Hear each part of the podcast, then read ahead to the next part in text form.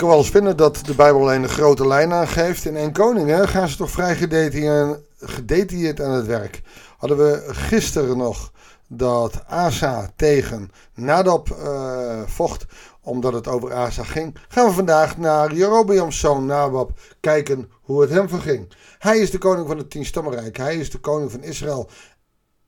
En wat maakt hij ervan? Goeiedag, hartelijk welkom bij een nieuwe uitzending van het Bijbels Dagboek. Jerobeam's zoon Nadab werd koning van Israël in het tweede regeringsjaar van koning Asa van Juda. En je weet, die twee die stammen die waren constant in gevecht. Twee jaar regeerde hij over Israël, dat is niet lang. Hij deed wat slecht is in de ogen van de Heer. En volgde het voorbeeld van zijn vader. Dat is niet zo'n hele vreemde situatie. Vaak gaat het over van vader op zoon. Maar je kan er ook mee breken. Je ziet het wel eens als uh, dat, dat eigenschappen, ook negatieve eigenschappen, worden meegenomen. Maar dat het soms ontzettend belangrijk is om daar juist mee te breken. Om jouw kinderen nog weer wat anders door te geven. Ik kom het heel veel tegen. Uh, bij, uh, bij gezinnen. En dan zie je dus dat overgenomen wordt van vader op zoon. En toch moet je daarmee uitkijken. Ook met eigenschappen van en karaktereigenschappen.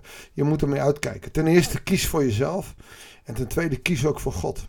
Kies zelf voor God mensen vinden het wel eens moeilijk ook om naar een andere kerk te gaan, want mijn ouders. Nee, uiteindelijk moet je zelf kiezen waar jij het beste je geloof kan beleven. En niet omdat je vader en moeder zo nodig daar van die kerk zijn en je niet weg kan gaan.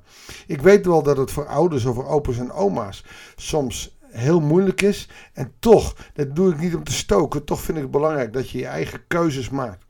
Want als je roekzichtloos achter je ouders aan gaat, dat heeft al heel veel mensen werkelijk waar ook het geloof gekost. Nou, tussendoor even. Baasa, de zoon van Agia uit de stam van Issachar, beraamde een aanslag op Nadab en doodde hem bij de Filistijnse stad Gibeton. En toen Nadab met het leger van Israël deze stad belegerde. Het was in het derde regeringsjaar van koning Asa van Juda dat Baasa Nabab doodde en in zijn plaats koning werd. Zodra hij de macht in handen had, liet hij de hele familie van Jerobeam ter dood brengen. En geen van Jerobeams nakomelingen bleef in leven.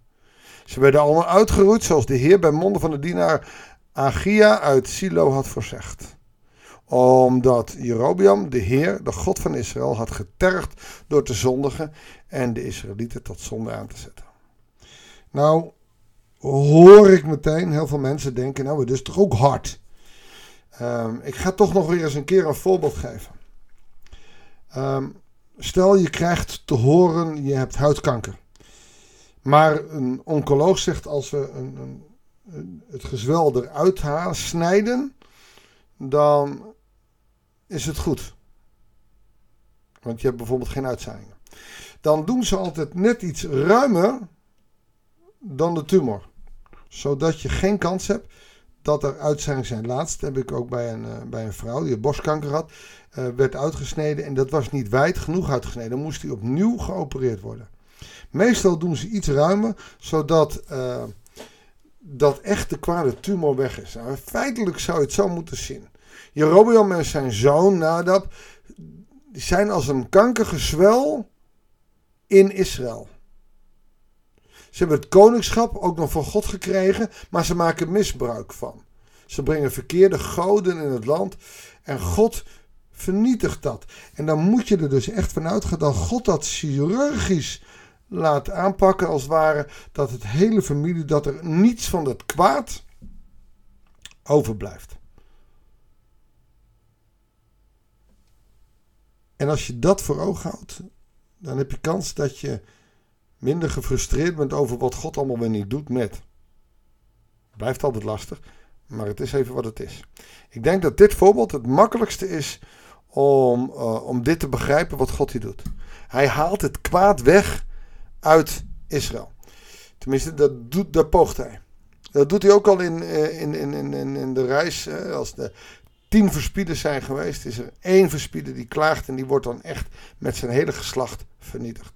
Want God kan het niet hebben dat het kwaad in zijn volk is.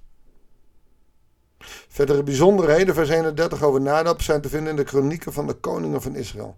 Asa en koning Baza van Israël waren voortdurend met elkaar in de oorlog. Baza, de zoon van Agia, werd koning van Israël in het derde regeringsjaar van koning Asa van Juda. 24 jaar regeerde hij in Tirsa. Hij deed wat slecht is in de ogen van de Heer en volgde het voorbeeld van Jerobeam, die de Israëlieten tot zonde had aangezet. Daarom richtte de Heer zich tot Jehu, de zoon van Ganani, met de volgende uitspraak tegen Basa. Ik heb je uit het stof gehaald en je aangesteld tot vorst over mijn volk Israël. Maar jij hebt het voorbeeld van Jerobeam gevolgd en de Israëlieten mijn volk ertoe aangezet te zondigen en mij met een wangedrag te terg. Daarom zal ik Basa en zijn koningshuis wegvagen, ook weer als dat kankergezwel wil ik dat wegsnijden, zoals ik het koningshuis van Jerobeam, de zoon van Nebat, heb weggevaagd. Wie van de familie Baas in de stad sterft, zal door de honden worden opgevreten. Dat, um, dat was een extra vernedering.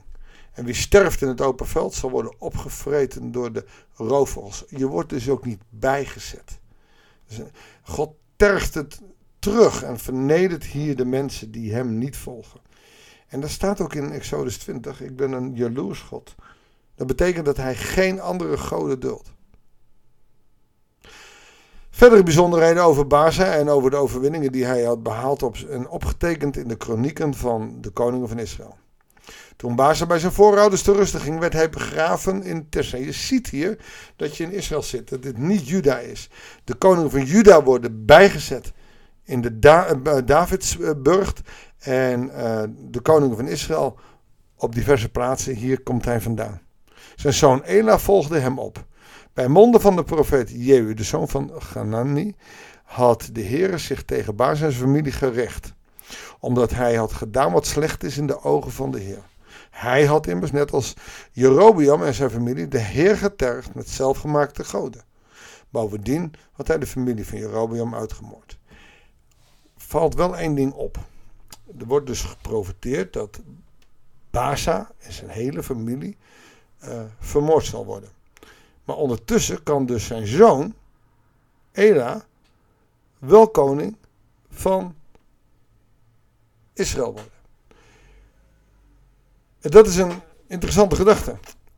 Dat betekent dat het uitmoorden van zo'n familie niet in één keer gebeurt, maar dat dat Ela, als hij er straks koning wordt en sterft, uh, niet bijgezet wordt, maar opgevreten worden de vogels of door de honden. Dat is voorzegd, dus het zal ook Ela niet aan ontkomen. Maar dat betekent niet dat het op dat moment gebeurt. Interessante gedachte. Um, lastig om zo'n verhaal te lezen, tenzij je doorhebt dat God, wat er ook gebeurt, het kwaad zal verdedigen. De, uh, zal verdelgen. En dat geldt ook voor jou en mij. Als jij vertrouwt op God en doet wat God wil van jou, als je zoekt naar wat Hij wil, dan zal Hij ook het kwaad verdelgen. En juist omdat wij er niet gaan geloven en dan niet op durven te vertrouwen, proberen we uh, het allemaal zelf te doen. En dan zijn we eigenlijk net als Baarse, Asa en Jerobeam. We moeten het niet zelf doen. Laat God uw reker zijn. Maar kun je wel vertellen dat dat een van de moeilijkste dingen is. Zullen we er dan ook maar gewoon voor bidden? Heere God, want we weten dat u rechter en gerechtigheid bent. Dat u, um, dat u onze bereker moet zijn. Toch, Heere God, vertrouwen we daar niet op. Willen we zelf rechter zijn? Veroordelen we en oordelen we over anderen, terwijl we ze soms niet eens goed kennen. Niet weten waarom. U kent deze mensen volkomen. En als deze mensen geen toekomst hebben, geen eeuwigheid hebben, als deze mensen straf verdienen, Heere God, dan is het aan u. Vergeef ons, als ons ik het beter weet dan u. Heer, leer ons door de kracht van uw geest afhankelijk te zijn van uw grote naam. Dat bidden wij u in Jezus' naam. Amen. Dankjewel voor het luisteren. Ik wens je God zegen en heel graag tot de volgende uitzending van het Bijbels Dagboek.